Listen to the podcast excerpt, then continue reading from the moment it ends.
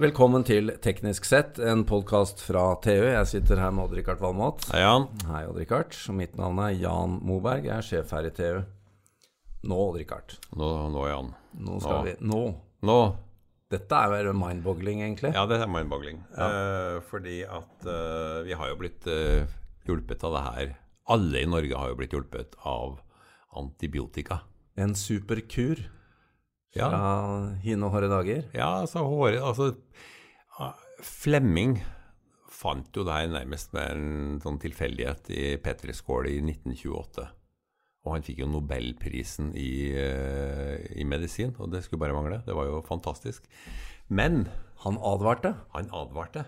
For han sa, og da må jeg nesten lese opp fra min egen artikkel Han sa når, under nobelforedraget at den tankeløse personen som tukler med penicillinbehandling, er moralsk ansvarlig for at en person dør av en infeksjon forårsaket av en organisme som er blitt resistent mot penicillin. Det sa han i 1945. Og nå har utfordringen Ja, kommet. nå er, nå er, drukner vi jo i resistens, ikke sant. Hele verden. øh, og vi har jo misbrukt det her. Vi har gjort akkurat det Flemming advarte mot. Vi har øst det ut Vi har øst det ut i mot den minste betennelse. ja, mot, mot betennelse som har vært forårsaka av virus, og vi har brukt det preventivt i, hos dyr osv. osv. Men det var jo, altså selv om det tok jo lang tid, da, fra 1928 til under krigen. Amerikanerne sto jo for å oppskalere det her til, til eh, medisin under krigen. Og som en sånn liten uh, kuriositet, når onkelen min kom hjem fra England under, etter krigen, så var det, ble han oppsøkt av en kamerat som da hadde langt fremskreden eh, jeg tror det var gonoré eller noe sånt, og ble bedt om hjelp til å få tak i penicillin, for de hadde hørt om penicillin. Men det var bare de militære som hadde tilgang til det. Så da ble det da ble- militærhjelp. Da ble det militærhjelp, bokstavelig talt. Men, eh, men Odd-Rikard, dette det, det er jo faktisk noe som er litt allment diskutert og velkjent, at eh, Ja. nå må vi passe oss, og mange som advarer. Men hvorfor har vi latt dette skje, da? Har, nei, har, har- legene vært for slepphendte med å, med å skrive det ut, eller har Legen Alle har vært for slepphendte. Altså, det har, det har vært uh, Vi har glemt det Flemming sa. Og så har vi plukka veldig masse sånne lavthengende kirsebær. ikke sant? Ja, vi fant det ene stoffet etter det andre. Penicillin ble, var bare én av mange som vi fant. Til slutt så hadde vi en kjempesvær verktøykasse av antibiotika. Og så brukte vi den på alt fra dyr til mennesker. Og han bare pøste på? Pøste på. Og så gjør jo bakteriene det akkurat det som ble sagt. da. De utvikler resistens. De tar en omvei. Når de blir drept i horder på slagmarken, så finner de opp eh, måter å beskytte seg på. Og det er akkurat det de har gjort. Og så har vi nå færre og færre som virker. Nå er det vel sånn at det siste som har vært helt sånn bankers, sånn som er innlåst i skapet, der har de, har de funnet resistens der også. Men uh, vanligvis så pleier jo legemiddelindustrien å være veldig offensive, men her har Ja. de vært litt sånn uh, tilbakeholdne. Ja, og det er også litt sånn Jeg vil ikke si at det er morsomt, men det, legemiddelindustrien er jo en industri som alle andre. Og det er jo det folk har Du mener at de skal tjene penger? de skal tjene penger, ja. Ja. Og det, det er egentlig ikke så rart, det. Nei da, nei da. De er jo ikke finansiert av noe annet enn salg av sine egne medisiner, ikke sant. Og det er klart at når du selger antibiotika, så er jo pasienten frisk etter ei uke, og så slutter salget. Det er jo en dårlig forretningsidé, Det er ikke så veldig kostbart produkt heller. Nei da, det er veldig lett å skalere opp det her, ikke sant. Så, og det er jo det de har gjort. Så de har, de har solgt ufattelige mengder av det. Men når de da ikke begynner å virke nå, så må de lete. Og, og som sagt, de lavthengende kirsebærene, de har de pella ned av, uh, treet. Altså. Og, og du mistenker, bare for å være tydelig på det, du mistenker lege, legemiddelselskapene for å elske kronisk syke som trenger dyre medisiner kontinuerlig. Selvfølgelig. Det er jo det riktige. Det er, altså, vi, Forretningsmessig riktig. Ja.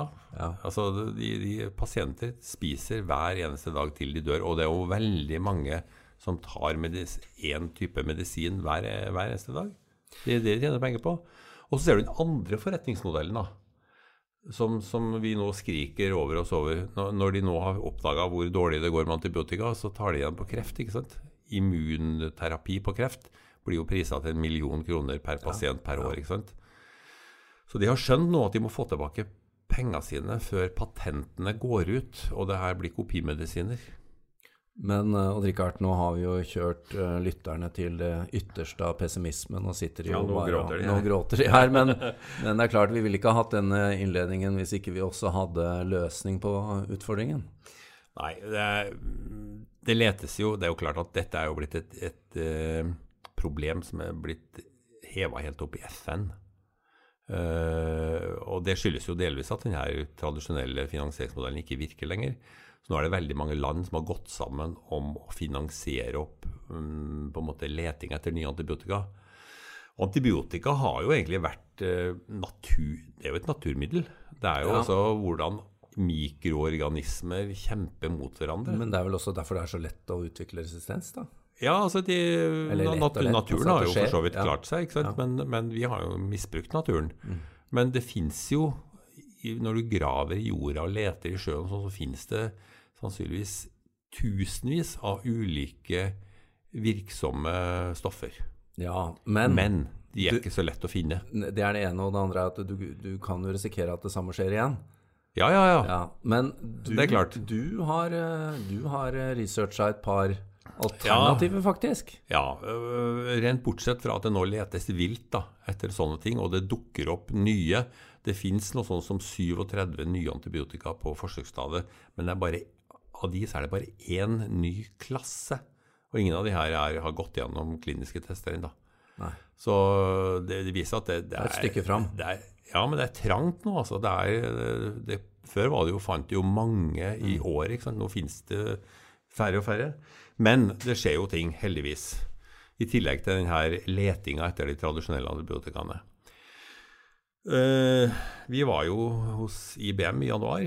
Ja. Der jobber de nå med en, eh, en helt ny metode. Altså de har laget, IBM er jo jævla flinke til å lagre, lage uh, altså materialteknologi. Prosessorer er jo materialteknologi. Det er nanoteknologi. Så de har utvikla en nanopolymer som har en form og elektriske egenskaper som gjør at den kan tilpasses bakterier.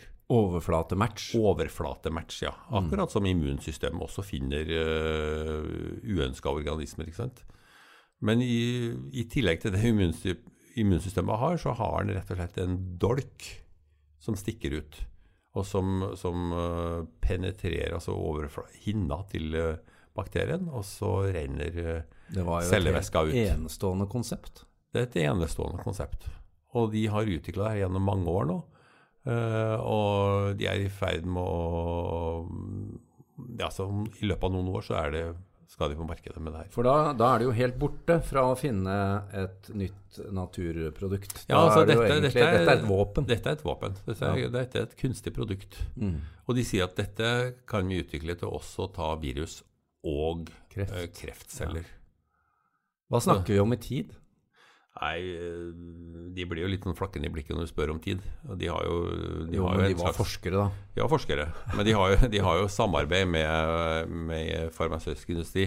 Så jeg tror vel ut på 20-tallet før vi ser de i, i form av pilleglass eller hva det måtte komme i. Og da har jeg forstått det sånn at uh, dette er da i ettertid nedbrytbart i kroppen. Det er det. Sånn at Ja. det, det, det, Dette vil ikke fortsette å feste seg. Dette Og, er dette er ikke sånn mikroplast. Selv om det er mikroplast, Ja. så er det altså så smått at det brytes ned av uh, når Ja. du har det inni kroppen. Så det er ikke, det er ikke farlig. Men uh, det skjer da faktisk ting i, i, uh, på andre områder også. Uh, vaksiner. ja, for det er jo alternativet. Eller kan Ja, det være et et det er et alternativ. Og vi har jo brukt det veldig, vellykka i 200 år. Mm. Det er vel snart 200 år siden mekanismen ble funnet av en eller annen som skulle vaksinere mot, uh, mot uh, kopper. Det er jo derfor det, De hadde jo kukopper ikke sant, og menneskekopper. Så navnet stammer jo fra ku. Vakka på latin. Eh, men nå har, nå har vi utvikla det i alle mulige retninger, og nå er det mange som jobber for å utvikle bakterievaksiner også. Ved å vaksinere mot f.eks. mot resistente bakterier. Lære opp immunsystemet. Da tar du det up front. Ja, dette er en skurk. Ja. Så eh, da tar vi up front. Og så har jo vaksiner også blitt veldig eh, misbrukt. Det er jo en del av misbruksmekanismen også. For når folk får en, en virusinfeksjon, så har, de, så, har, man brukt veldig mye antibiotika mot sånne følgesykdommer som de har fått. Så Det har vært en del av, av misbruksårsaken også, som man nå prøver å eliminere. Og så har vi jo krekka det her med hvordan uh, bakterier uh, forsvarer seg mot virus. Altså, og som har da blitt denne CRISPR-teknologien. Ja. Den, den, baserer seg jo på, på, bakterienes eget forsvar, som er i, altså, i, i helt perfekt DNA-saks. Sånn klippe akkurat der vi er. Og det åpner jo fantastisk nye muligheter. Og her har man jo faktisk kommet et stykke. Her har man kommet veldig langt, ja. ja. Uh, sånn at når, kan, når vi har altså mye mer kunnskap enn vi har i dag da, om bakterienes DNA, og vet hvor vi skal klippe og hvor vi skal angripe hen, så har vi, har vi verktøyet nå for å designe antibiotika. Altså på en måte utenom naturen, da. Det syns jeg er veldig spennende. Og det, der har vi, har vi knapt uh, sett starten, altså. Men Jan Nå kommer det du, som du egentlig er mest gira på. Ja, altså det er jo Det, det har jo for at det er norsk, ikke sant. på Universitetet i Oslo så jobber de med et helt nytt uh, stoff som de kan tilsette Eh, altså bakterier, De har funnet ut at bakterier bruker bl.a. sink. De har en sånn sinkmetabolisme som, eh, som, bakteriene er avhengig av når de, skal, eh, når de skal angripe. Og ved å forstyrre den mekanismen, så forstyrrer de også denne resistensmekanismen. Så du avresistensierer bakteriene? Ja. Det, det, høres, det høres jo helt mind-boggling ut. Kan det her være mulig? Men det er faktisk mulig. De har, de har noen dyreforsøk som, som virker 100 altså. Så dette virker jo foreløpig på såkalte gram-negative bakterier, men det er de her verste sykehusbakteriene vi hører om. ikke sant? Det er jo kjempeviktig. Det er jo, det er jo kanskje den viktigste, ja. viktigste gruppa. At de kan knekke sykehusinfeksjoner. Det er helt sånn klassisk. Så bare for å være helt tydelig, du, du uh, reverserer egentlig resistensen, da? Du reverserer resistensen. Du og så virker den antibiotikaen som allerede Akkurat. eksisterer. Akkurat. Nettopp. Så du på en måte revitaliserer det, vi fant, det Flemming fant opp, da. Ja. Det er fantastisk. Dette er jo enda på forsøksstadiet. Uh, men, de, men, men, de, har mekanismer, de har museforsøk som, som bekrefter det nå, altså. Og det det er, eh, det er fantastisk. Og de har patentert det inn og ut. Dette kan bli en, en morsom norsk spesialitet, altså. Ja. Og de har også et, et, prosjekt som kan ta andre bakterier. Et, uh, så F.eks. MRSA-bakterien, som er veldig utbredt. Den er ikke så, altså den er ikke så farlig i sykehusvesenet, men, men, det er også et stort problem. Men, og, og, og, resistente tuberkulose. Ja. Det er jo, det er jo tiltagende stort problem. Men av disse, altså her er det jo da et par-tre par, initiativer på gang som virker veldig lovende. Men, men, vi kommer vel til å være i en sårbar situasjon i noen år da, før disse her kommer på banen? Definitivt. Ja, ja, ja. Så det, det gjelder å holde seg frisk nå i fem til ti år. Det tror jeg. Så altså, det med sykehusinfeksjoner, det, det tror jeg altså, Hvis det er så bra som de sier, Uh, og det ikke er godkjent av eh, FDA og, og, sånne myndigheter for klinisk bruk. Altså denne sinkbalansesaken? Ja. ja. Så er det noe som heter fast track. Ja, vi får håpe at vi må hindre at det blir for zinket. ja, ja for bokstavelig talt. Så det, jeg tror at vi kommer til å se det i bruk i, på sykehus i løpet av veldig få år lenge før det blir sånn offisielt godkjent. Du, det er jo grunn til å være optimist, men må passe seg i mellomtiden. Ja. Og hvis du får en, hvis du får en infeksjon, så løp til legevakta. Ja, og prøv å ikke bli innlagt på sykehus. Veldig bra. Vi eh, kommer med oppdateringer på dette evnet også. Og det gjør vi. Eh, vi må jo bare høre med IBM Alman Lab hva som foregår der, og også dette norske prosjektet med sinkebalanse. Dette ja, er jo superspennende. Dette, dette er viktig for oss.